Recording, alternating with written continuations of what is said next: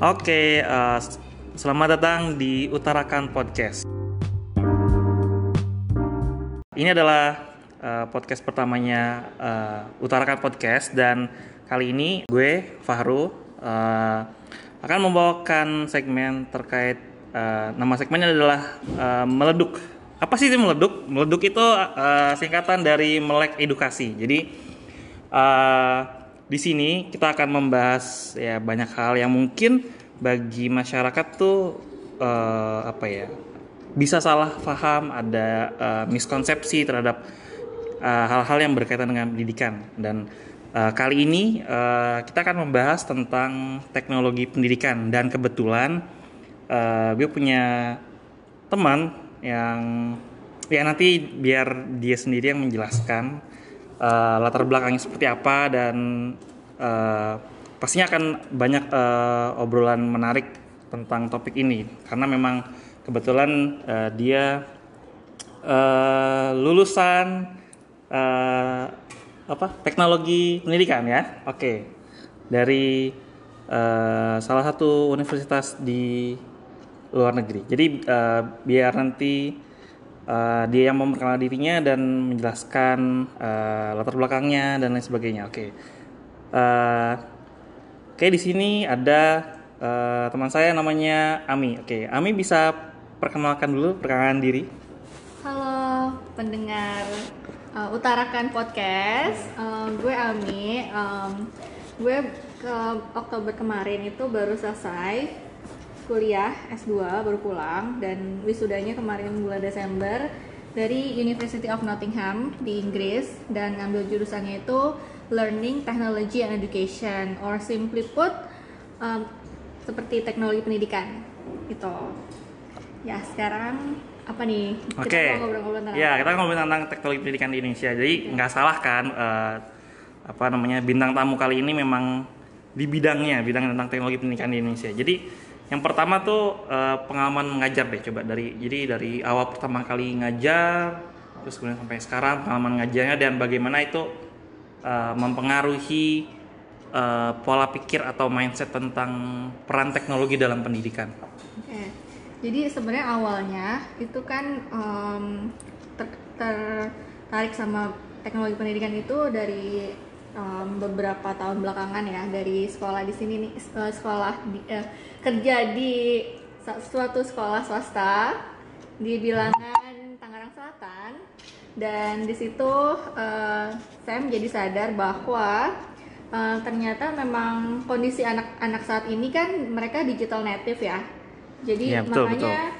Um, perlu ada pendekatan-pendekatan yang agak berbeda mm -hmm. dibandingkan dengan generasi yang sebelumnya. Okay Nah, salah satu pendekatannya itu hmm. juga pasti dengan teknologi karena hmm. mereka digital native kan. Oke. Okay. Jadi kita harus bisa juga menyesuaikan dengan zaman sekarang okay. itu. Jadi uh, kalau uh, mengajar di sekolah, sekolah ini tuh saya jadi membuka apa ya membuka ruang untuk lebih belajar lagi. Hmm. Kemudian uh, dengan project-project yang ada itu hmm. saya selalu gue gue selalu yeah. Uh, uh, apa ya um, memasukkan mm-hmm. um, teknologi-teknologi terbaru. Mm-hmm. Sebenarnya bukan teknologi yang kayak alat atau seperti apa, lebih ke misalnya presentasi mm-hmm. itu nggak lagi pakai PowerPoint. Itu sejak oh, okay lima tahun lalu ya sejak ah. lima ah. tahun lalu pertama kali di sini tahun 2014 mm-hmm. itu udah mulai tuh uh, memperkenalkan uh, anak-anak dengan uh, presentasi itu tidak hanya Microsoft PowerPoint mm-hmm. kemudian dengan project mission dan segala macam itu juga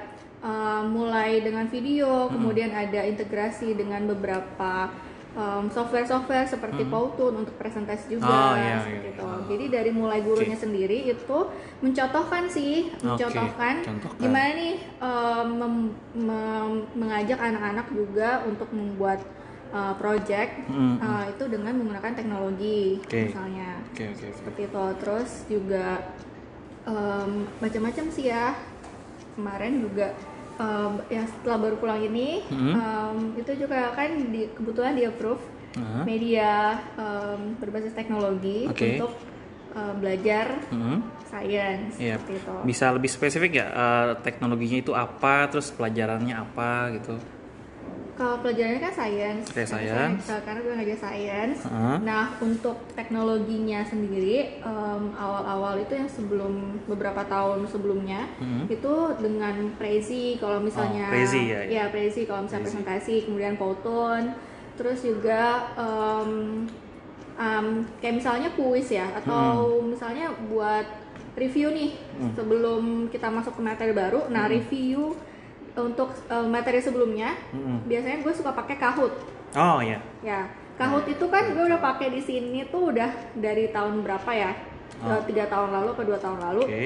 Terus kali kalian baru dapatnya di kemarin ya? Oh, iya. acara kemarin tuh kan bulan Oktober kan? Ya.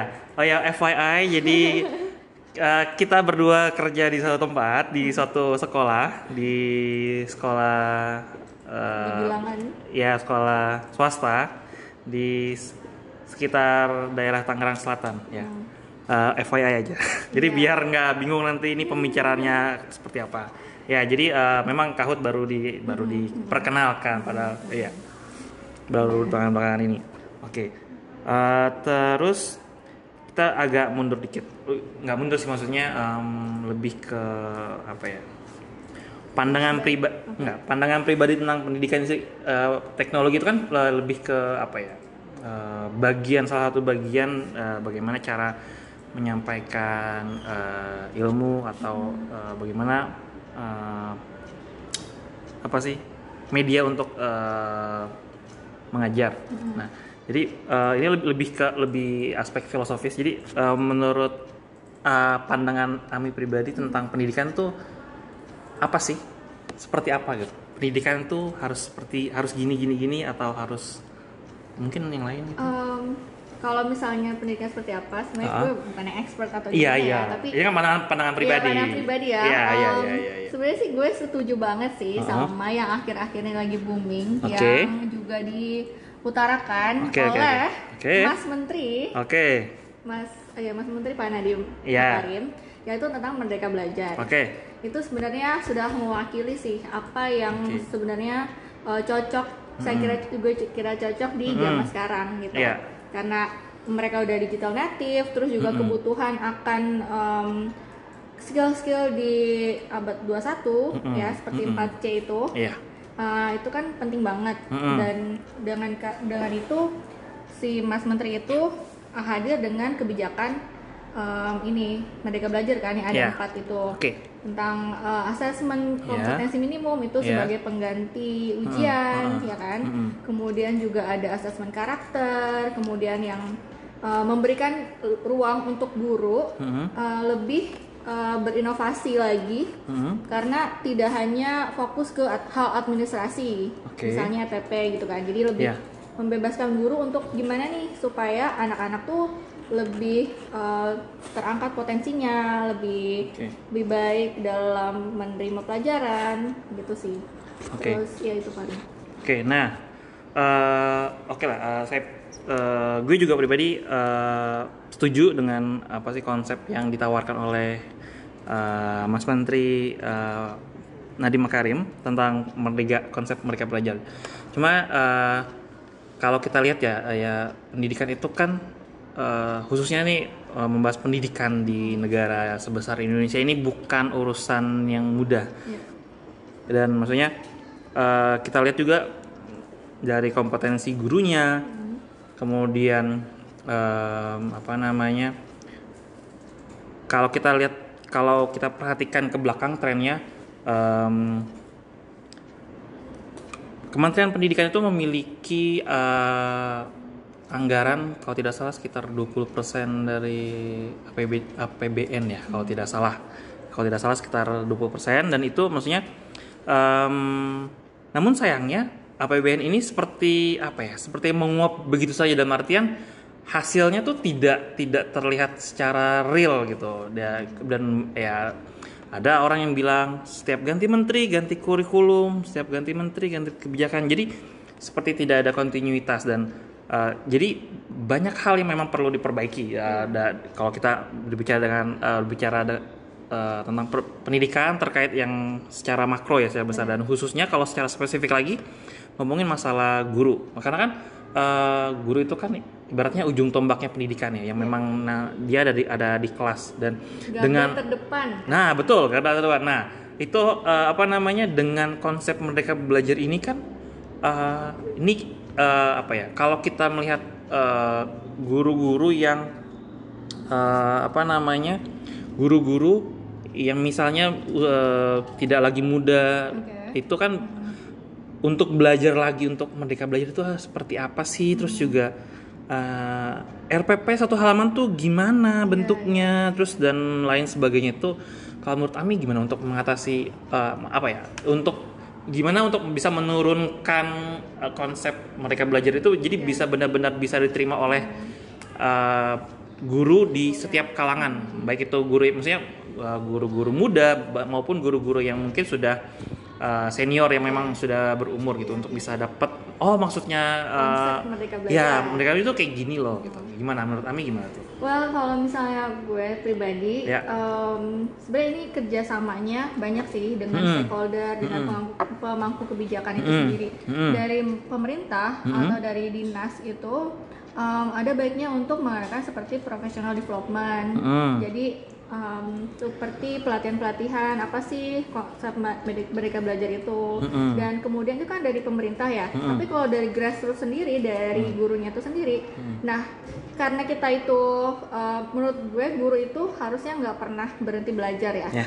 Jadi Sepakat, lifelong sepakat, sepakat. learner kan. Ya, sepakat. Jadi dari gurunya itu sendiri juga harus berusaha gimana ya biar gue tuh ngerti tentang merdeka belajar, biar gue bisa um, membekali anak-anak dengan um, dengan apa ya dengan skill-skill yang kali yang sekarang itu sedang uh, dibutuhkan dan jadi menurut gue sih bisa dari gurunya itu sendiri Hmm. sekarang kan banyak ya kalau misalnya gue pribadi itu kan Ya. gue suka lihat-lihat dong Oke. eh, di Instagram itu Ya. banyak komunitas-komunitas pendidikan iya betul eh, untuk eh, memberdayakan guru Hmm. jadi banyak komunitas pendidikan itu yang kasih pelatihan gratis Oke. ke guru tentang Hmm. mereka belajar itu banyak banget Hmm. jadi ada ya pokoknya adalah kampus guru titik-titik Ya, ya, ya, kemudian ada banyak lah bantu guru Oh, ya, ya, ya, ya, tahu, banyak tahu. sekali Ya, ya. kemudian juga eh, itu yang itu yang bagi guru yang eh, ini ya bagi guru yang sudah bekerja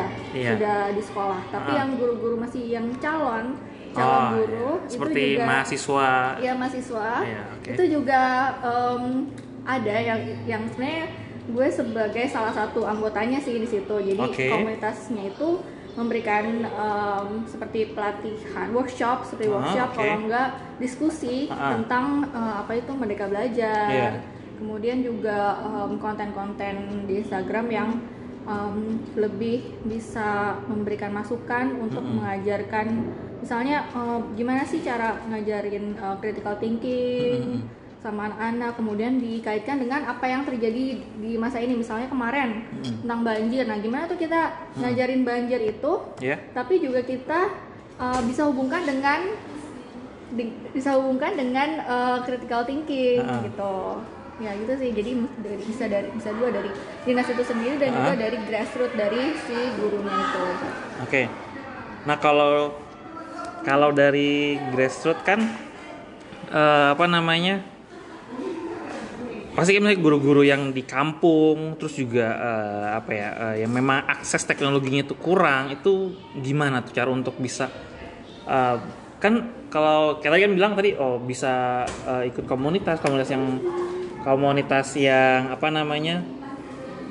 komunitas eh, guru lah itu kan biasanya Ya. biasanya mereka eh, aktifnya di di sosial media kan Oke. sedangkan kalau guru-guru yang memang eh, mereka eh, apa ya? Sulit akses. Sulit akses teknologi kemudian eh, apa namanya? Eh, tinggalnya mungkin ya di, di di desa atau di daerah terluar. Nah itu tuh gimana tuh supaya konsep itu bisa nyampe? Atau misalnya eh, at least pendekatannya sampai ya kan?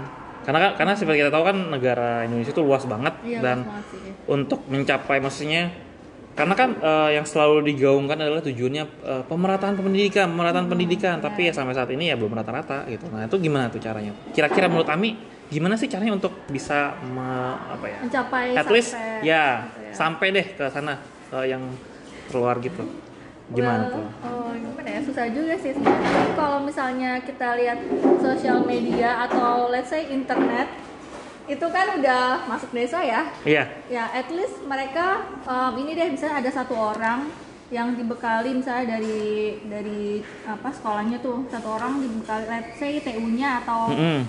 apanya yang dibekali oleh resources. Nah, Oke. dia bisa satu orang itu bisa yang research apa gitu segala macam tentang mereka belajar dan tentang apa yang uh, sekarang ini lagi tren di dunia pendidikan itu dia sampaikan lagi ke teman-temannya Mm-mm. gitu. Jadi uh, dari situ kan mungkin juga bisa ada diskusi lebih lanjut lagi ya. Mm-mm. Jadi dari gurunya di desa-desa itu sendiri atau di daerah-daerah itu sendiri yang menghidupkan Mm-mm. cukup satu aja misalnya bisa Iya. satu aja yang resourcesnya atau yang orang yang dibekali yang dikasih akses gitu misalnya nggak semuanya bisa Ah, oke. mengakses satu orang aja nanti dia harus share dia berbagi aja ke uh, teman-teman guru lainnya Nah, gitu. ya itu kan terkait tentang kebijakan ya. Nah, kita balik lagi tentang teknologi pendidikan itu sendiri. Oke. Nah, ya kita balik lagi tadi kalau misalnya di kasusnya adalah di daerah eh, terluar, eh, terpencil dan sebagainya, itu kan akses pendidikan ya, eh, akses teknologi lagi-lagi Iya. sulit dan sedang dan sekarang itu kan yang namanya teknologi pasti berkaitan erat dengan yang namanya internet.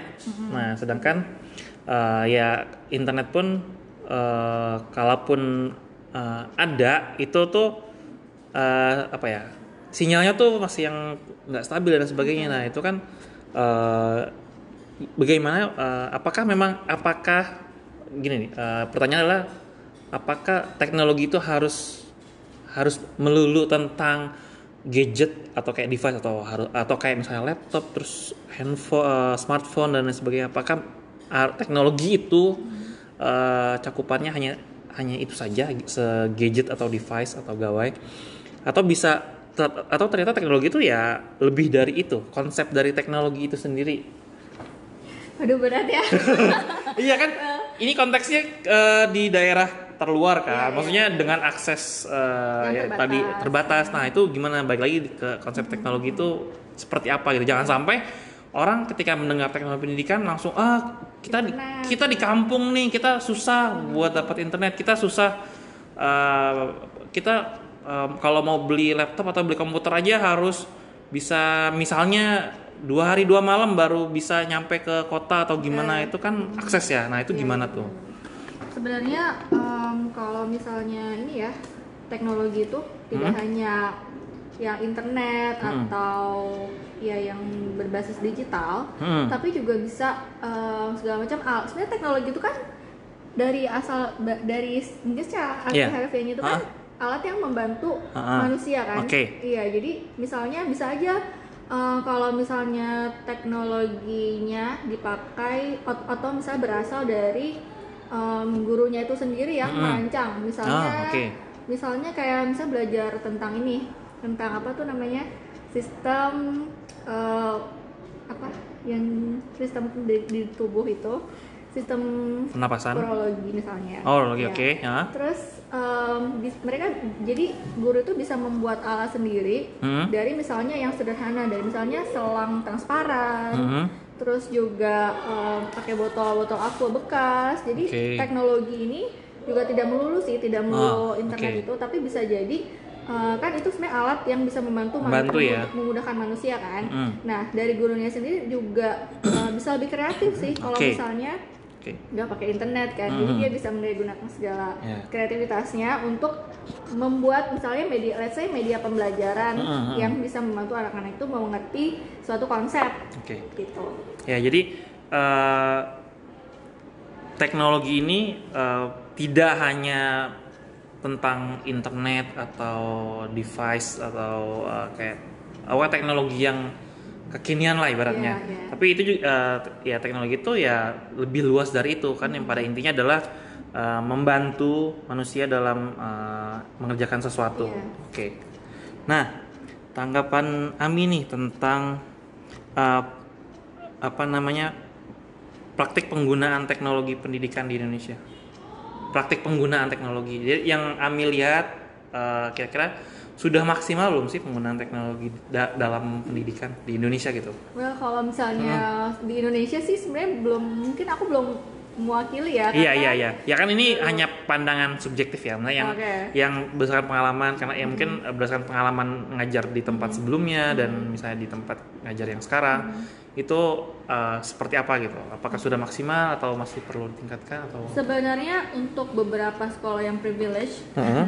itu sih udah lumayan ya, Lumayan. udah udah baik. Kayak Oke. misalnya salah satu guru di sini tuh anaknya Heeh. itu di sekolahnya udah pakai Google Classroom Oh oke. ya. Ya ya ya. Itu em, itu kan berarti udah maju banget kan. Google Classroom itu kan sebuah learning management system ya. Jadi kayak semua resource ada di situ bisa diakses dan sebagainya. Itu menurut aku udah bagus banget sih udah bisa em, mewakili. Oh berarti udah sampai situ juga ya. Jadi beberapa sekolah udah integrated sama Google Classroom. Ya. tapi beberapa juga em, ada yang em, masih em, belum terlalu banyak sih. Misalnya em, mungkin karena akses juga dan karena usia ya Ah. misalnya kayak anak-anak kecil itu kan belum boleh dong Iya. misalnya di- dibawakan gadget ke- Mm-mm. orang oleh orang tuanya tapi Iya. untuk yang uh, besar seperti SMP atau SMA Hah? kalau misalnya dibekali um, sebuah gadget gitu ya Hmm. handphone misalnya smartphone itu bisa dibergunakan diberdayakan juga Hmm. untuk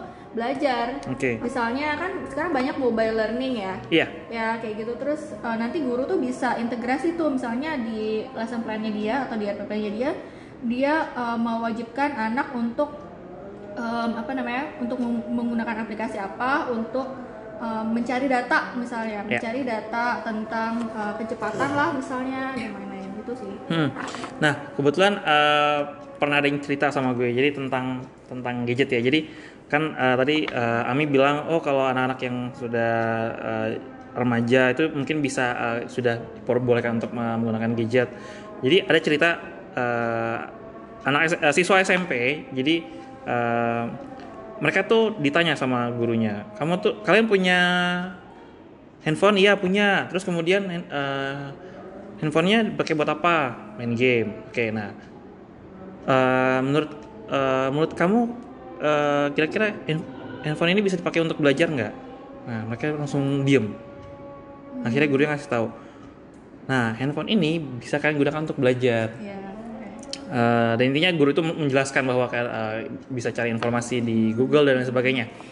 Nah, jadi eh, ini eh, kasusnya terjadi di salah satu sekolah swasta yang em, ya bisa dibilang eh, taraf ekonominya menengah ke bawah. Berarti kan di sini terjadi perbedaan ya, maksudnya Ada gap eh, ya gap eh, kelas ekonomi kelas ekonomi pun mempengaruhi eh, kayak eh, persepsi anak-anak juga dalam pemanfaatan teknologi Iya, nih. iya. Nah, maksudnya eh, bagaimana kalau menurut Ami nih eh, kalau situasinya seperti ini, bagaimana caranya memang supaya anak-anak tuh benar-benar eh, bisa memanfaatkan eh, teknologi eh, yang ada yang mereka punya di handphone mereka tuh benar-benar dipakai untuk belajar gitu, benar. Eh, jadi oke lah main game boleh, tapi ya dipakai biar seimbang ya pakai buat belajar juga dong. Kira-kira strateginya nih kalau misalnya Ami mengajar di sekolah yang seperti tadi gimana tuh?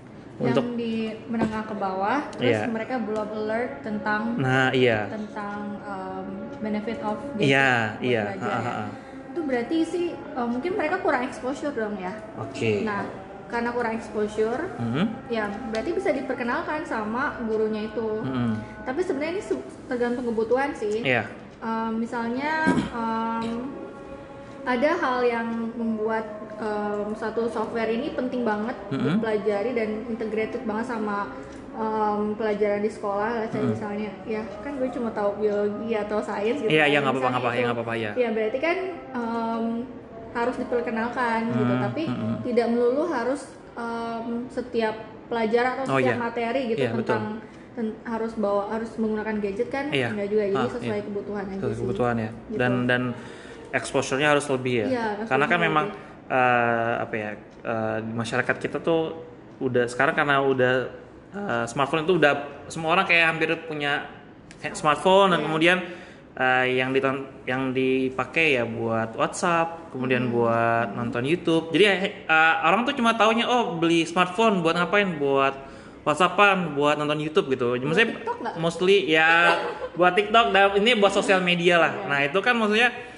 eh, jadi eh, asumsi yang ada di masyarakat itu oh smartphone itu ya untuk eh, untuk komunikasi untuk eh, WhatsApp dan sosial media tok. Padahal itu bisa untuk belajar, Iya. bisa untuk eh, ya untuk jadi eh, ya berdagang juga dan lain sebagainya. Maksudnya itu kan banyak hal yang Iya, bisa iya. dieksplor dari dari sebuah smartphone. Cuma Nah, itu tadi maksudnya eh, berarti exposure eh, maksudnya eh, anak-anak ini kan yang mendapatkan exposure-nya cuma taunya itu aja ya bisa buat main game, sosial media dan nah, eh, itu aja Iya, tok gitu. That's it gitu. Tapi ya eh, harus diawasi juga sih penggunaan gadget dalam kelas itu. Ah iya iya iya. Takutnya mereka misalnya buka yang bukan Nah.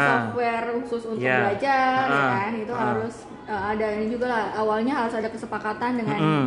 murid-murid itu sendiri. Oke. Terus juga kan sebenarnya sekarang misalnya em, memang ini kan sebentar lagi berubah ya ujian Ah. nasional itu berubah. Iya. Nah em, pas jam pas tahun ini kan Mm-mm. katanya terakhir. Iya. Dan ini kan banyak juga em, software-software atau misalnya startup-startup yang Nah, em, menggunakan teknologi ini Nah. untuk em, seperti ini ya bimbel gitu kan. Oh, iya, iya, iya. Kan banyak juga tuh. Jadi Oh, itu juga salah satu pemanfaatan teknologi sih. oke. Nah, ngomongin startup nih. Jadi eh, ya seperti yang kita tahu ya, eh, startup tentang pendidikan ini udah ter- udah terkenal banget. Saking terkenalnya tuh kalau mau nonton TV, eh ada ini. Kalau mau, mau ganti channel ini, eh ada ini lagi. Tuh sampai Nonton- saking YouTube iklannya ada itu. Nah iya jadi di mana mana gitu. Nah maksudnya eh efektif nggak sih? Atau maksudnya atau ini cuma hanya apa ya? eh eh, startup ini atau aplikasi ini hanya memindahkan hanya memindahkan bimbel bimbel konvensional ke bimbel online atau hanya hanya sebatas itu saja kah atau memang itu eh, apa ya? hmm, jadi memang eh, memudahkan uh, siswa untuk memahami konsep pembelajaran, maksudnya konsep tentang materi yang mereka pelajari gitu. Kalau untuk efektif atau tidaknya itu harus mungkin udah harus riset ya. Oke. Tapi kalau misalnya oke. Ya, eh, menurut Ami gimana? Melihat ininya, Trennya. karena kan eh, ini kan handy banget ya. Ya. Kalau handphone tuh handy banget. Ya. Jadi em, mungkin kayak misalnya kita benar-benar cek handphone, kita benar-benar cek Ya. handphone, mungkin Ah. rasa itu juga rasa seperti agak-agak addictive, tapi Ya. in a good way gitu. Ya. Anak-anak jadi mau cek ah cek lagi ah tadi videonya tentang apa ya Ah. ah cek lagi ah eh, tentang tadi eh, ada kuis nih buat em, misalnya buat persiapan UN Ah, gitu sih mungkin hal oke. itu eh, aspek itu yang em, digunakan untuk si startup itu untuk Ya. eh, supaya anak-anak tuh em, megang lihat handphonenya terus gitu dan Oh. semoga sih dengan harapan karena dia lihat handphone terus review-review terus jadi bisa em, pemahamannya lebih baik Oh. gitu Atau mungkin bisa ini kali ya, bisa kita simpulkan uh, apa startup ini, uh, aplikasi ini uh, ya intinya ingin meningkatkan learning engagement lah bahasa Ya, kerennya ya. benar-benar. learning engagement. Nah, masalahnya adalah tahun ini kan tahun terakhir UN ya, dan bimbel ini kan mostly mostly itu uh, ngapain sih bimbel? Ya supaya lulus UN gitu. Nah, Hmm, Uh, kira-kira nih menurut Ami nih dengan kebijakan tahun ini adalah UN terakhir dan uh, tahun depan ya ada yang asesmen ya Iya, ya ya asesmen yang dan itu juga asesmennya di tengah tahun kan? Iya. hasilnya di, di tengah tahun. Nah kira-kira apakah um, apa ya? Masih relevan? Iya masih relevan gak sih menggunakan uh, aplikasi ini gitu Aplikasi ya. ya karena kan karena iya karena kan uh, orang ketika uh, bimbel ya UN gitu kan korelasinya dengan UN korelasinya untuk lulus. UN sedangkan UN tidak akan maksudnya tahun de- tahun depan tidak akan ada UN lagi nah itu masih relevan gak sih ap- aplikasi ini gitu tergantung aplikasinya sih apakah mereka mau berubah mengikuti perkembangan zaman Ah, gitu oke. misalnya kan Mm-mm. karena ini asesmen kompetensi minimum Ya. bisa aja dia eh, kasih kasihnya tuh soal-soal yang hot oh oke higher order thinking skill Nah, yang gitu oke. gitu yang jadi, iya, iya. em, tidak hanya misalnya multiple choice atau isian pendek isian singkat gitu kan iya iya iya jadi bisa ini sih eh, dari startupnya sendiri harus bisa menyesuaikan sih Oke, Oh. ya, ya pokoknya uh, adaptasi ya dengan Iya, perubahan yang ada. adaptasi. Oke, Uh, pertanyaan terakhir dan ini eh, apa ya? Mungkin pernah dengar kali ya. Eh, menurut Ami, eh, apakah guru akan tergantikan oleh teknologi? Karena kan seperti yang kita tahu teknologi berkembang pesat ya kita sudah di 2020 dan kita sudah mulai dikenalkan oleh artificial intelligence dan lain sebagainya itu tuh kayak ketika kita wah ini kayaknya berapa tahun ke depan akan ada eh, mungkin ada apa ya ada robot yang memang nanti akan mengajar dan lain sebagainya. Ya kalau eh, ya belakangan ini aja ya kita udah bisa lihat ada robot yang jadi chef dan lain sebagainya robot main musik. Itu kan secara nggak langsung kan mengancam ya be- be- beberapa profesi Oke. manusia gitu. Nah ini guru kira-kira apakah akan tergantikan oleh teknologi? Ya sebagai lulusan teknologi pendidikan gimana nih insight-nya? Insight pribadinya kira-kira Iya. Hmm. Eh, sebenarnya kalau untuk memang sekarang itu teknologi sudah sampai AI ya. Iya, Jadi AI. kalau, eh, itu benar benar. Jadi ya Iya. sampai emang ada tutor Nah. yang kita tuh bisa eh, belajar dari tutor itu. Tutornya tuh AI itu. oh wow Iya, oke jadi misalnya kayak fisik sih belajar. Aku Ah. juga pernah coba di sana belajar Iya? fisik Oke. dari tutor AI itu. Oke, Jadi ah. udah sampai situ memang. Oh, wow. Dan mungkin Oke. di eh, 2025 dan seterusnya itu makin berkembang lagi kan. Hmm, iya, betul. Karena dulu tuh gue sebenarnya eh, di kuliah itu em, jadi lebih kayak memproyeksikan gitu nanti lima tahun mendatang Hmm. akan itu seperti akan apa, seperti apa dan, dan teknologi yang dibutuhkan teknologi- apa yes, mantap kayak gitu. ya terus Nah, gimana tuh ya Iya. karena sebenarnya Ah. jadi guru itu kan bukan hanya deliver oke um, ini ya deliver konsep Oke. tapi juga kan ada hal-hal lain yang Hmm. um, guru juga harus bisa um, ini ya bisa engage with students misalnya kayak um, hal-hal uh, let's say bukan pelajaran lah hal-hal Hmm. yang bukan pelajaran yang um, guru itu bisa tanamkan loh ke anak selain orang tua Mm-mm. gitu jadi menurut gue karena hal itu Mm-mm. sih uh, belum bisa sih gantiin teacher bisa Ha-ha. ya jadi karena Ah. kalau teknologi kan nggak pakai hati ya kan oke ya kalau guru kan eh kalau misalnya banyak Ah, ah, ah. misalnya nih kayak misalnya di kelas aja kan itu heterogen banget kan Oke. nah guru tuh bisa di eye bisa Ah. differentiated instruction bisa Oke. misalnya yang ini uh, dia kemampuannya seperti ini berarti uh, akan dikasih uh, treatment yang seperti apa tapi Ah. kalau AI kan dia nggak misalnya gimana gitu. Mungkin Ah. ya menurut gue sih itu sih. Dan juga guru dan human itu sendiri yang bisa membuat inovasi. Oke. Jadi harusnya Ah, kita juga adaptasi. Iya, kalau nggak salah waktu itu ada ada robot yang memang itu tuh kayak di ada teknologi intinya tuh kayak dia tuh me, apa ya kayak memahami kayak emosi gitu. Kayak perasaan senang, perasaan sedih. Itu kalau kalau nggak salah udah mulai ada yang buat kalau nggak salah aduh nama robotnya apa ya. Jadi ada tuh yang yang setengah badan gitu robotnya dan itu tuh kayak dia eh, robotnya perempuan dan itu tuh kalau nggak salah dia tuh udah bisa merasakan eh, kayak Oke. perasaan senang, sedih dan sebagainya. Jadi ya emosi lah sama Iya. kayak manusia. Nah, itu kan berarti kan Nah, loh, maksudnya kan maksudnya bisa aja kan Iya. kalau misalnya ini dikembangin terus kan berarti kan maksudnya ada ada ada potensi ya, cuma kan eh, apa ya. Nah, berarti eh, bagaimana misalnya eh, sebagai seorang guru untuk intinya ya ya bagaimana caranya untuk tidak tergantikan asik.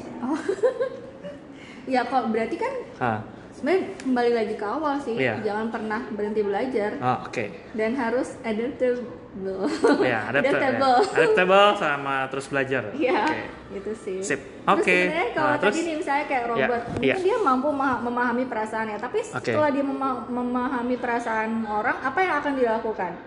Oke. Ya kan? Ya, kalau untuk misalnya Iya iya iya untuk apa me- kayak meresponnya, Merespon, meresponnya. iya. Jadi bisa memahami. Mm-mm. Oke, sip. seperti itu. Oke, terima kasih Ami buat waktunya. Obrolannya seru banget, seru banget. Oke. Oke, thank you yang udah dengerin Utarakan Podcast eh, di episode eh, meleduk pertama kali ini. Ya, semoga kalian suka. Jadi eh, tunggu di eh, Utarakan Podcast berikutnya. Oke. Sampai jumpa. Bye.